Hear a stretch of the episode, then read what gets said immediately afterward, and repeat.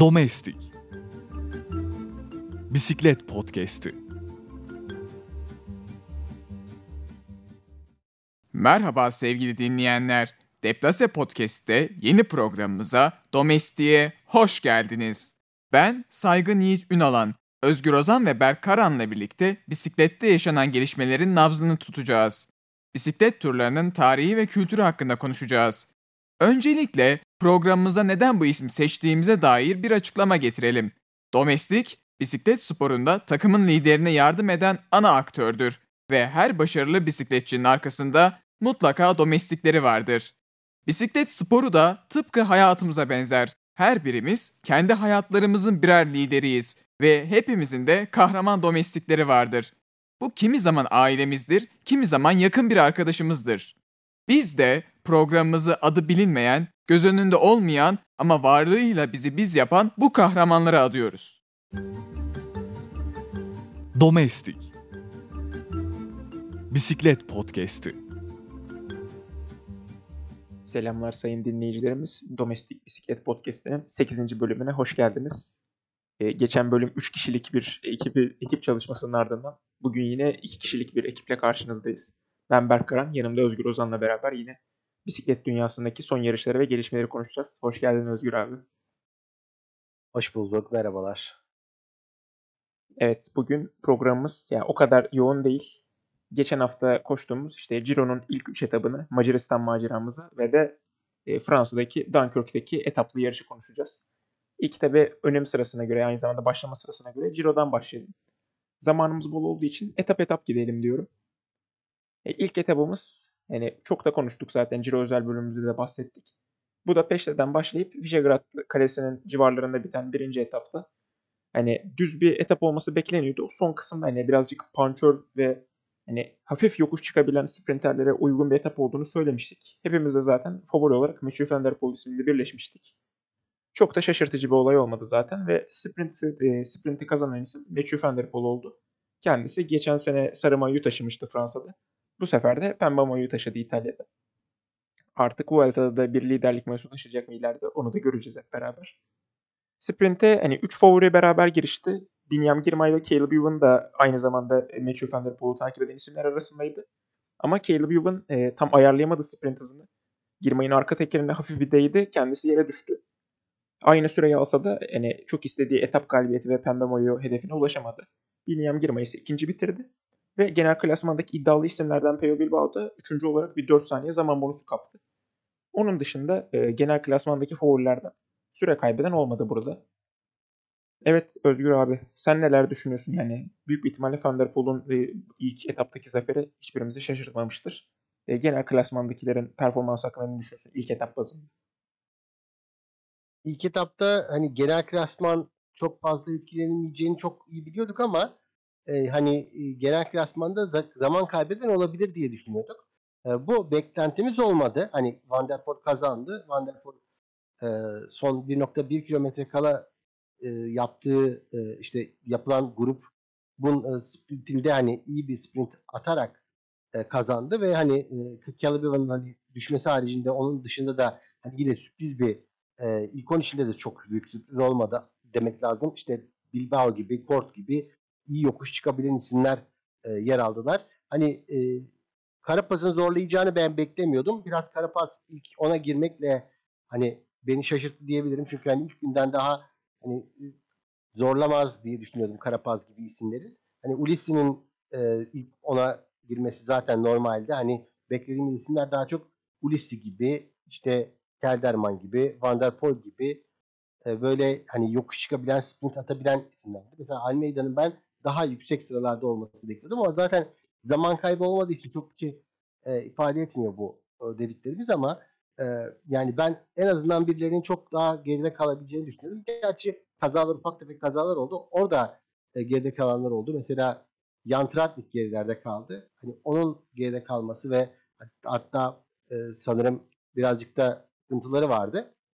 E, yani sıkıntıların olması yani benim için hani en e, en akılda kalan o oldu diyebilirim. Çünkü geri kalan her şey de beklediğimiz gibi oldu. Van der Poel'in kazanması ve E, Budapeşte de çok güzel bir start oldu. Hani ikinci etapla ilgili konuşurken de konuşacağız.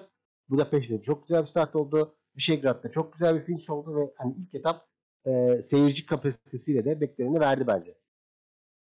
Evet ben de aşağı yukarı dediklerine katılıyorum Özgür abi. Bir ekleme yapayım bari Karapaz konusunda. Ee, Karapaz yanılmıyorsam bu Tom Dumoulin'in şeyde e, bacağına zincir gelen şeyde edisyonda galiba 2019 Giro d'Italia olması lazım. Orada 3. etap veya 5. etapta yine böyle yani buranın ilk etap profiline benzer bir profili vardı hani. Hafif yokuş yukarı bir sprint vardı. O etapta mesela Richard Carapaz kazanmıştı. Tabii o zaman Movistar'da yarışıyordu. Ben yine en azından şeyi bekliyordum. İlk etap bazında e, kendisinin Peyo Bilbao yerine üçüncülüğü falan almasını bekliyordum. Belki ufak bir zaman bonusu olabilirdi. Ama dediğim gibi biraz önce de bahsettiğimiz gibi hani ilk ona girdi kendisi. O konuda şaşırtmadı. Bu özelliğini de biliyorduk. O zaman şimdi şeyden de devam edelim. İkinci etapımızda yani gelen klasman için bu haftanın büyük ihtimalle en önemli etabı buydu zaten. 9.2 kilometrelik bir zamana karşı etapı. Yine Budapeşte de koşuldu etap. Yine tabii Macar seyircilerinin e, önemli bir ilgisi vardı. E, biz açıkçası Matthew Van Der Poel'un en azından e, pembe mayosunu aldıktan sonra burada koruyacağını düşünmüştük. Ama kendisi beklediğimden çok daha iyi bir performans sergiledi. E, aynı şekilde Bike Exchange'in e, zamana karşıcılarında da hem genel klasmancıların hem zamana karşıcılarının iyi performans sergilediğini gördük. Bunda özel bir zamana karşı koçuyla çalışmalarında etkisi olduğunu söylemişlerdi etap sırasında. E, Matteo Sobrero dördüncü sırayı aldı. Kendisi İtalyan zamana karşı şampiyon aynı zamanda. İyi bir derece elde etti ve etabı kazanan isim de yine Bike Exchange'den genel klasman iddialısı Simon Yates oldu. Kendisi tabii hani kendi aramızda da bahsettik. 2018 yılında son hafta yaşadığı fiyaskodan dolayı yani zamana karşı zamana karşı özelliğini geliştirmişti. Sırf 2018'de zamana karşı yok diye son haftanın dağ etaplarını hep atak atak yaptığı için son şeyde e, Chris Froome'un destan yazdığı etapta kendisi patlamıştı. O sene genel klasmanı 20. 21. sırada bitirmişti. O yüzden artık zamana karşı iyi bir şekilde dersini almış bir şekilde iyi başladı. Diğer genel klasman favorilerine karşı da zaman kazandı. Ama yine de şunu da söylemek lazım ki genel klasmandaki hiçbir favori yani aşırı aşırı bir fark atamadı. Yani zamana karşısının kötü olmasıyla bildiğimiz Mikel mesela sadece 33 saniye fark yemiş. Hani tırmanmayla bunu ne kadar kazanabilir o tartışılır ama yani Landa için de 33 saniye yani çok da e, muazzam bir fark değil. Bir de yanılmıyorsam Miguel Angel Lopez sanki genel klasmancılar arasında iddialı genel klasmancılar arasında en kötü dereceye sahipti. Evet o da 42 saniye imiş. Onun dışında diğer e, genel klasman favorileri çok zaman kaybetmedi. Ben mesela bu Joao Almeida'dan bu etapta en azından düzgün bir performans yani ilk üçte bitirmesini bekliyordum. O 18 saniye geriden gelmiş. E, Tom Dumoulin da en azından yani genel klasmanda çok iddialı olamayacağını düşünsek de bu etapta 5 saniye farklı 3. sırada tamamladı. O da kendisi kendi açısından iyi bir performans sergiledi. Sen neler düşünüyorsun Özgür abi? Özellikle böyle bir performansıyla seni şaşırtan biri oldu. Simon Yates mesela seni şaşırttı en başta. Simon Yates'ten hiçbir şey beklemiyorduk diyebilirim. Çünkü hani zamana karşısında kötü olur. Ben de hani biliyordum uzun yıllardır ama hani e, Team Bike Exchange'in geliştirmeye başladığını hani duymuştuk. Hani en azından öyle dene, den, denediğini biliyorduk. Hani Simon Yates'in de tabii zamana karşısında geliştirmezse e, genel klasman alamayacağını zaten kendisi de biliyordu. Ama bu zamana karşı çok kısa olduğu için hani yaklaşık 12 dakikalık bir performans ile bittiği için 9.2 kilometrelik bir zamana karşı da aslında çok büyük de e, farklar yaratılmadı. E, o kadar ki yani e, zaman limiti 15 dakika e, pardon 15-23'tü. E, 3 dakika 33 saniye geride bitirmeniz gerekiyordu. Bu hem bunu kimse zaten şey yapmadı, yemedi. E, ama aynı zamanda 2 dakika 24 saniyeden fazla geride kalan da olmamış. Yani o da hani e, baktığımız zaman yine e, bu zamana karşı aslında o kadar da e, seçici bir zamana karşı olmadığını gösteriyor. E, son zamana karşı da birazcık öyle olacak. Çok seçici bir zamana karşı zaten kilometreleri de az olduğu için bu sene zamana karşı çok büyük etkili olmayacak. Dağlarda göreceğiz aslında etkileri. E, fakat yine de ona bak e, buna baktığımız zaman ben hani en azından zamana karşı performans açısından e, hani e, kaybeden kaybetmeyenleri değil de kaybeden kaybedenleri değil kaybetmeyenleri gör, görmek istedim. E, mesela Nibali'nin e, 19 saniye kaybetmiş olması sadece. E, hani e, normalde kötü bir zamana karşı değildir ama hani yaş itibariyle e, hani tabii bacaklarını dağlarda göreceğiz aslında ama yine de hani Affini'den e, ki e, o da eski bir e, İtalya zamana karşı gençler şampiyonu ve hani Avrupa'da da ilk üçe girmiş bir isim Affini mesela şeyin kazandığı yıl. Everton'un kazandığı yıl çok başarılıydı Affini. O bir, onu bile geçti yani Nibali. Ona baktığımız zaman e, hani Almeida ile de neredeyse aynı zamanı yapmışlar. E, çok büyük fark yok. Sivakov'dan da üstün yine Nibali. E, buna baktığım zaman hani Nibali'den umudu acaba kesmesek mi diye düşünmeye başlıyorum.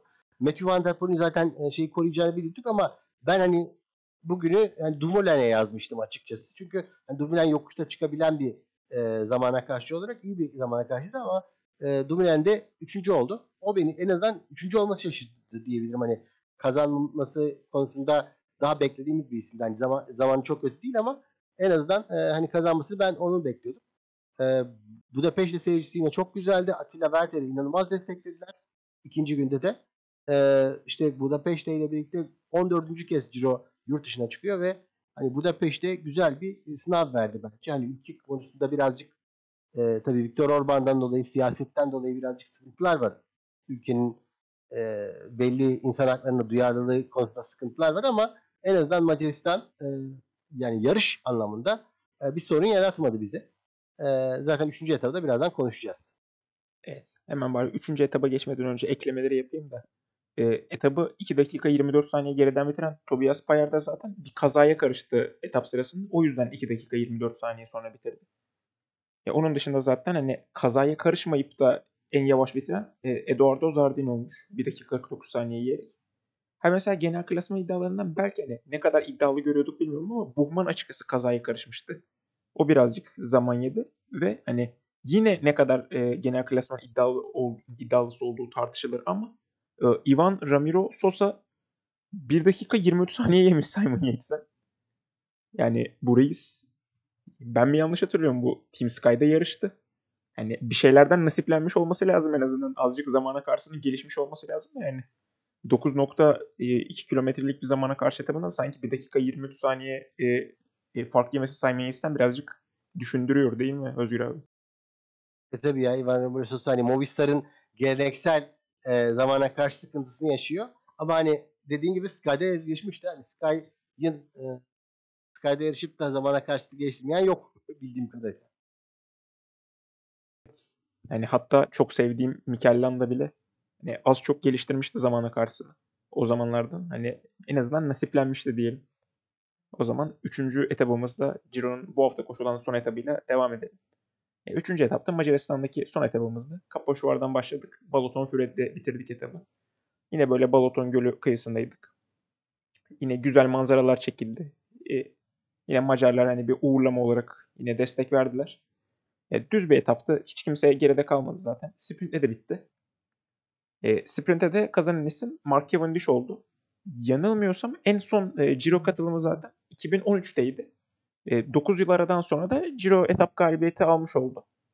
E, bu konuda da kendisine hani ben açıkçası hani sizi yanılmıyorsam saygınla beraber Mark Cavendish'i çok seviyorum. Ben Mark Cavendish'i mesela hiç sevmem ama kendisini takdir ediyorum. Hani bu yaşında hala rekabetçi bir şekilde sprintlere karışabiliyor. Ve de sanki bu sprintinde özellikle hani galiba hani 300 metre kala başladı sprintine. Çok uzakta bıraktılar kendisini. 15 saniye içerisinde hani 300 metreyi kat etti. Ve bu sprint sırasında da bu 15 saniyelik sprint sırasında da maksimum hızı 72.1 kilometreye ulaşmış. Bu beni bayağı şaşırttı. Kendisi çok iyi bir performans sergiledi. İkinci sırada da e, Arno Demar vardı. Üçüncü sırada Fernando Gaviria vardı. Yani bunlar az çok tahmin edebileceğimiz isimler zaten başlarda olmasını bekliyorduk. Caleb Ewan 8. sırada bitirdi. E, kendisi açıkçası bir sprint treni olmamasının, en azından organize bir sprint treni olmamasının eksikliğini çekiyor.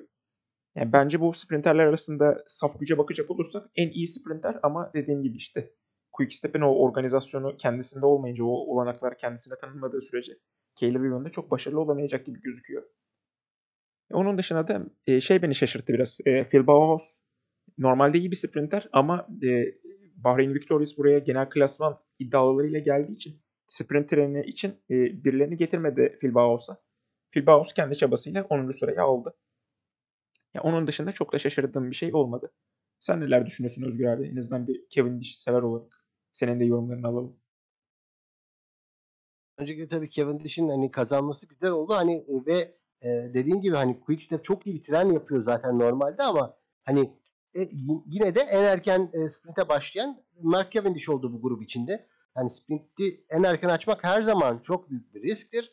Ama e, Cavendish bu erken e, sprintiyle de yine de e, iyi bir risk aldı ve hani Demar e, gibi bir ismi hem geçilmedi hem Gaviria da arkadan geldi. İşte Girmay arkadan geldi yine. Onlar e, hani en önde e, hep Alpes'in vardı. Alpes'in Marechko için çalıştı. Onlar bile 5. olabildi ancak hani e, Marechko gerçi e, treni çok iyi yakalayamadı. Van der Poel'ün e, Van der Poel bir anda baktı arkasına ve göremedi kimseyi. E, o da yavaşladı zaten. Etap 17'ni bitirdi. Genel klasman liderliğini en azından e, tatil öncesinde korudu. E, ama bunun dışında hani Cavendish'in e, çok iyi bir hızla e, gelmesi gerçekten de o, hani en azından Cavendish'in kendi sağlığı açısından e, iyi bir izlenim verdi benim düşünceme göre. E, Caleb konusunda da hani Lotto Sudal e, biliyorsun düşme riskiyle karşı karşıya yani Caleb kazanacağı etaplara çok ihtiyaçları var. Ve Caleb e, iyi bir e, destekle de aslında hani gelmiş durumda. Hani biliyorsun hani Thomas Dehel neredeyse kaçırmıyor, kaç, kaçırmıyorlar. E, yani şu ana kadar en azından Caleb'ı bırakana kadar Thomas Dehel kaçma fırsatı bulamayacak gibi düşünüyorum. E, ve diğer isimler de en azından sprint etaplarında onu koruyacak gibi düşünüyorum. E, ve hani bu böyle bir durumda bile düşme riskini alan bir takımda Caleb'ın 8. olması bence büyük bir e, hayal kırıklığı. E, onun dışında Hani bu etap için çok fazla söylenecek bir şey yok. Hani e, etapın görüntü, görünümleri güzeldi. Hani etapın e, görünümü güzeldi ama şöyleydi. E, ben hani şu ana kadar e, söylemek istediğim şeylerden bir tanesi e, Macaristan etaplarının güzel görüntüler vermesine rağmen birazcık şey olarak sıkıcı olmasıydı. Hani e, sprint etapının sıkıcı olmasını bekleyebilirsiniz ama en azından e, hani bize son ma- manzaralarda çok fazla şey göstermedi diye bir şey bilir, bilirim. Hani e, rejinin çok fazla manzaralar konusunda destek olduğunu düşünmüyorum. En azından hani e, izleyiciye göre hani Ciro hani genellikle İtalya'da olduğu zaman e, reji çok iyi şeyler gösterir ama hani bu reji birazcık daha farklı çünkü hani Rai rejisi değildi. Hani bir de Macaristan'ı çok iyi bilmiyorlar herhalde. E, Macaristan ne verdiyse onu aldılar ama çok da süper başarılı değillerdi. En azından belki e, Macaristan turunda daha iyi manzaralar görebiliriz diye düşünüyorum. Bir de hani bir şey daha dikkat çekmek istiyorum. Hani üç günün genel şeyi e, olarak söyleyeyim. E, Dehentlerin mücadelesi devam ediyor. 130. Ayme Dehent, 131. Thomas Dehent. E, o da hani ilginç bir istatistik. Hani Dehentlerin mücadelesini de takip edebiliriz. Hani hafta boyunca. evet, onları da e, takip ediyor olacağız. Hatta ve hatta eğer Thomas Degand bırakmamış olsaydı onu da en azından bu rekabette görebilirdik. Eğer kendisi Ciro'ya katılsaydı, emekli olmamış olsaydı. Ee, bir de en azından e, ne diyeyim yarış kısmı ile alakalı bir sorum daha olacak. Şimdi Alpecin Phoenix bu üçüncü etapta sprinte Jakub Mareşko ile girdi. E, Matthew Van Der Poel açıkçası Cyclamen Mayo istediğini söylemişti. Yani bence şimdi bir saygısızlık etmek istemiyorum ama Jakub Mareşko'nun sprint yeteneği belli. Hani tamam bazı ne diyeyim sprintle bitmesi kesin olan klasiklerde e, Matthew Van Der Poel e, eğer ekipte Tim Merlier veya Jasper Philipsen varsa e, son kilometrelerde onun için çalışıyordu. Ona outlook yapıyordu ama bence Jakub Mereško e, bu kalibrede bir isim değil. Yani sprint kazanabilecek bir isim olduğunu düşünmüyorum. E, madem Siklemen Mayo'da istiyor Matthew Van Der Poel bence e, Matthew Van Der Poel kendisi sprint atmalı. Yani istiyorsa takım sprint trenini Jakub Mereško için kursun e, Matthew Van Der Poel bulduğu tekerlerden yararlanmaya çalışsın ama. Bence Matthew Van Der Poel'un düz etaplarda sprinte girmesi lazım. Mesela en büyük e, Sikleme Mayo'da kapışacağı en büyük isimlerden Binyam Girmay. Bu etabı dördüncü sırada tamamladı. Kendisi de Sikleme Mayo puanlarında sadece 7 puan gerisinde. Van Der Poel e, 62 puan toplamış. Girmay 55 puanla hemen arkasında. Cavendish de tek etapta zaten 53 puana ulaştı. Yani en azından benim görüşüm Matthew Van Der Poel'un düz sprintlere de girmesi eğer sikleme mayu kazanmak istiyorsa. Yani Alpecin Phoenix sanki bu konularda bir değişiklik yapmalı bence. Evet ara sprintleri kazanmaya çalışacaklar gibi geliyor bana. Hani ara sprintlerde zorlayacaklar gibi geliyor bana. Yani sanki ama ara sprintlerden fazlasını da istemeli. En azından Matthew Van Der Poel kendi adını. Yani yoksa sanki olmayacak bu sikleme mayu hayali. Yani Mareşko ile olmaz bence. Ya kısacası demek istediğim o. Tabii doğru. E, yarın da konuşalım istersen. Hani hani, hani eğer e, en azından hani, e, e, tabii e, büyük ihtimalle hani tam etapın ortasında bir yerlerde belki de e, etaptan sonra yayına gireceğiz ama en azından bir tahminimi en azından sö- tahminlerimizi söyleyebiliriz. Hani ben e, genel klasmanın hani direkt Simon Yates'e geçmesini beklemiyorum hemen. E, kaçan kaçan gruptan biri belki de gerilerdeki birine birine verecekler gibi geliyor bana. En azından onu söylemiş olayım. Evet evet. Yarın hani siz tabii bu podcast'te tahminimizde e, salı günü dinleyeceksiniz. Dördüncü etapın olduğu gün. Dördüncü etapta da e, Etina tırmanışına geçeceğiz.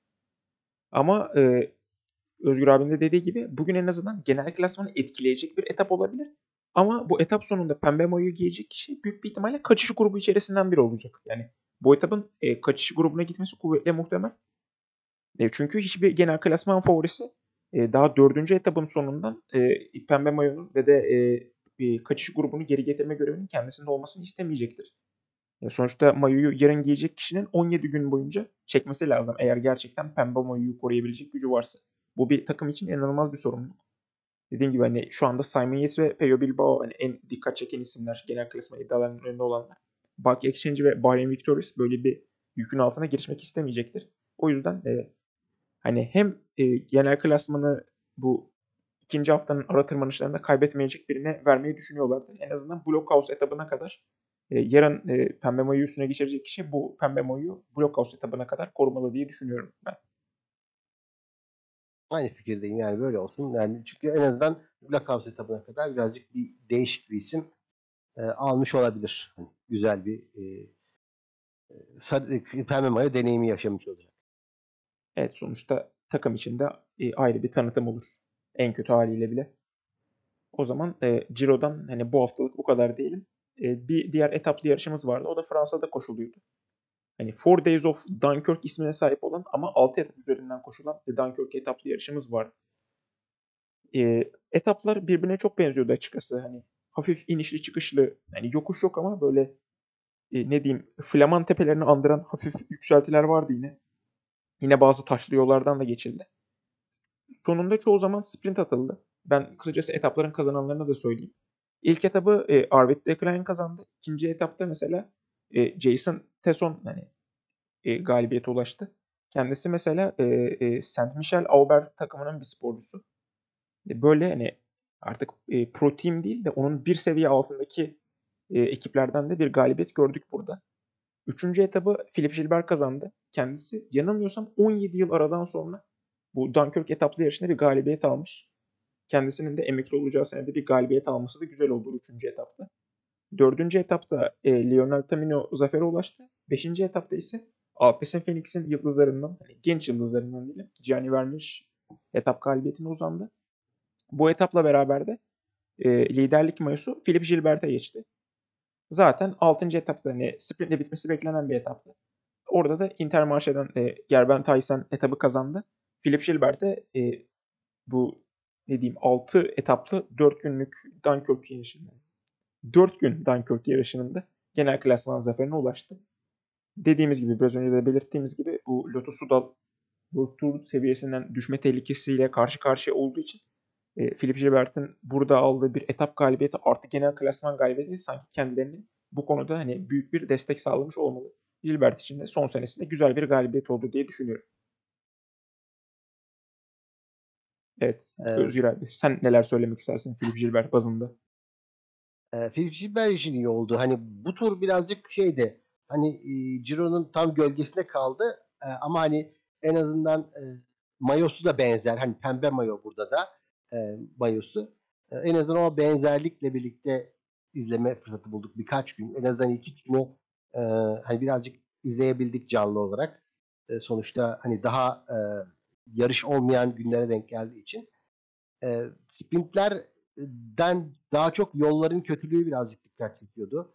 Hani etapların planlaması, e, rüzgar e, ve Belçika ile Fransa arası bir havanın olduğu bir e, küçük bir yarış izledik. Yani köl yarışı gibi bir yarış diyebiliriz. Hani Gilbert'in kazandığı etaptan sonra en azından e, hani Gilbert'in avantajlı olması iyi oldu. Hani ve hani birazcık hani 5. etaptan sonra da Gianni Vermeersch'in kazandığı 5. etaptan sonra da liderliği aldı Gilbert. Ve hani Gilbert kazanarak da hani hem hem etap kazanarak hem de genel klasmanı kazanarak e, 39 yaşında bir adamın en azından Valverde e, kadar yaşlı olmasa da 39 yaşındaki bir eski süper yıldızın e, vedasının e, taçlandırmış oldu diyebiliriz. Yani Lotto Sudal e, acaba hani düşecek mi düşmeyecek mi de, dediğimiz şey hala belli değil. E, ama işte Gilbert'in en azından bu sene e, böyle küçük yarışlara girip kazanması onların işine yarayacaktır. Yani çünkü mesela şeye katılacak. İşte Mayıs'ın sonlarında e, hala bitmeden Circuit de Vallonia'ya katılacak Gilbert. E, Ronde van Limburg'a katılacak. Tour de France'dan önce e, son iki e, yarışı da onlar olacak. Büyük ihtimalle de hani e, yine puanları alıp e, en azından e, Lotto Sudal'i bir şekilde e, ligde tutmaya çalışacak. Evet. Teşekkür ediyorum Özgür abi. Bu haftaki yarışlarımızı konuştuk. O zaman önümüzdeki hafta e, hangi yarışları konuşacağımıza yine bir göz atalım. E, Giro d'Italia'nın birinci haftasının devamı diyelim hala. Yani ikinci hafta sayılmaz bu. Birinci haftanın devamını göreceğiz. Altı etapımız olacak. Yine salı günü dördüncü etapta etmeden başlayacağız ve arka arkaya altı etap koşulacak. Pazar günü dokuzuncu etapla beraber ilk haftanın sonuna gelmiş olacağız Ciro'da. Hani son etapta Blockhouse'da biteceği için yine genel klasmanda bir değişimlerin olacağını söyleyebiliriz. Bir sonraki bölümümüzde bunları konuşuruz. E, aynı zamanda kadınlarda da hani Itzulia Bass Country'nin kadınlar versiyonu da yapılacak bu sene. Biraz önce kontrol ettim. E, ilk kez yapılıyor. World Tour seviyesinde bir yarış olacak. Orada da kadınların bu sefer de e, Bask ülkesinde nasıl bir performans sergileyeceklerini hepimiz göz atacağız. E, cumartesi ve pazar günleri de Fransa'da tek günlük klasikler var. Cumartesi günü e, Grand Prix du Morbihan yarışı var. 15'inde de e, hipster paralubesi olarak da adlandırılan alternatif bir paralubede diyebileceğimiz Troboro Leon'da olacak. Troboro Leon açıkçası güzel bir yarış. Eğer fırsatınız varsa hani büyük ihtimal o gün Blockhouse etabını seyredersiniz ama eğer tekrarını bulabilirsiniz. Troboro Leon'a da bakmanızı öneririm. Gayet güzel bir yarış. Ve yarış posterleri de açıkçası çok güzel. Her zaman bir önceki senenin kazanının olduğu bir e, poster dizayn ediyorlar. Poster de her zaman güzel oluyor gibi. Sen neler düşünüyorsun Özgür abi? E, hangi etapları veya hangi yarışları 400'de bekliyorsun? Şimdi tabii ki Ciro'yu her, her e, detayıyla izleyeceğiz ama Trobilor'un için tabii bir daha söylemek lazım. Trobilor'un çok önemli bir yarış ve hani e, UCI Pro Series'e dahil olduğu için e, çok hani süper yıldızlar gelmiyor genellikle. E, zaten Ciro'ya da aynı e, hafta olduğu için yine çok önemli yıldızlar gelmeyebilir ama yine de hani e, ilginç klasikçileri görebileceğimiz bir e, yarış olacak. Hani Total Energies kimlerle katılıyor onu da çok bilmiyoruz. Hani e, acaba Sagan'ı Hipster Paralobesi için ikna edebilirler mi onu bilmiyorum. Şu anda sizin yok görünmüyor. E, zaten e, Nicky Terpstra ile katılacaklar ama hani e, yani ilginç isimleri görebileceğimiz bir yarış. E, ilginç isimlerden birini e, büyük ihtimalle de hani belki de çünkü geçen sene öyle yapmışlardı. E, banttan yayınla veriyordu Eurosport. Hani player'ı beklemenize veya player'a abone olmanıza gerek olmayabilir. E, o yüzden de hani bir şekilde denk gelebilirsiniz. E, 207 kilometre ve çok güzel böyle tarla içinde içindeki yollardan geçilecek güzel bir yarış sizi, sizi bekliyor diyebilirim. Evet teşekkür ettim Özgür abi. Sen deyince ben de hemen Peter Sagan'ın e, yarış takvimine baktım. Şu anda en yakın İsviçre turuyla beraber dönecek gibi gözüküyor. Kendisi zaten Covid'in etkilerinden hani Covid'den etkilendiğini söylemişti. O yüzden hani kendi ritmini bulabilmek için bir antrenman kampına almıştı kendini. Şu anda büyük bir ihtimalle antrenman kampındadır zaten. Birazcık da şeyin de etkisini görüyor olabilir tabii. Eskiden Emcan Tour of California tam olarak Ciro ile aynı zamanda yapılıyordu. Kendisine zaten Ciro'ya katılmama nedenlerinin en büyüğüydü. E, Tour of California'da Emcan kendisine çok büyük paralar veriyordu. Ama yanılmıyorsam en son 2019'da yapılmıştı. 2020 itibariyle iptal edildiğini hatırlıyorum sanki. Evet 2020'den sonra yok artık. Evet. Evet sanki o onunla beraber Sagan'ın kariyeri de birazcık düşüşe geçti. Tabii Emcan Tour of California'yı bağlayamayız ama sanki onun da bir etkisi olabilir. Evet o zaman hani sanki bu hafta konuşacaklarımızı konuştuk. Ee, önümüzdeki haftada hangi yarışlara göz gezdireceğimizi de söyledik. O zaman bu haftalık bu kadar diyelim yine. Teşekkür ederim Özgür abi e, değerli görüşlerini bizlerle paylaştığın için. Kapatmadan önce eklemek istediğin son bir şeyler var mı?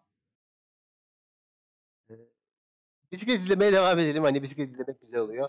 E, her, her yarışı da e, en azından Ciro özelinde takip ediyoruz. Ciro e, Ciro güzel devam ediyor. Ciro'yu her gün izliyorum. Hani İtalyan televizyonundan da takip ediyoruz. E, Eurosport'tan da takip ediyoruz. Böyle takip etmeye devam edeceğiz. Evet o zaman teşekkür ettim Özgür abi.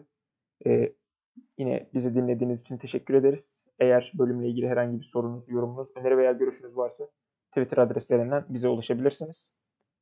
Onun dışında benim de söylemek isteyeceklerim bu kadar. Ee, görüşmek üzere. Kendinize iyi bakın.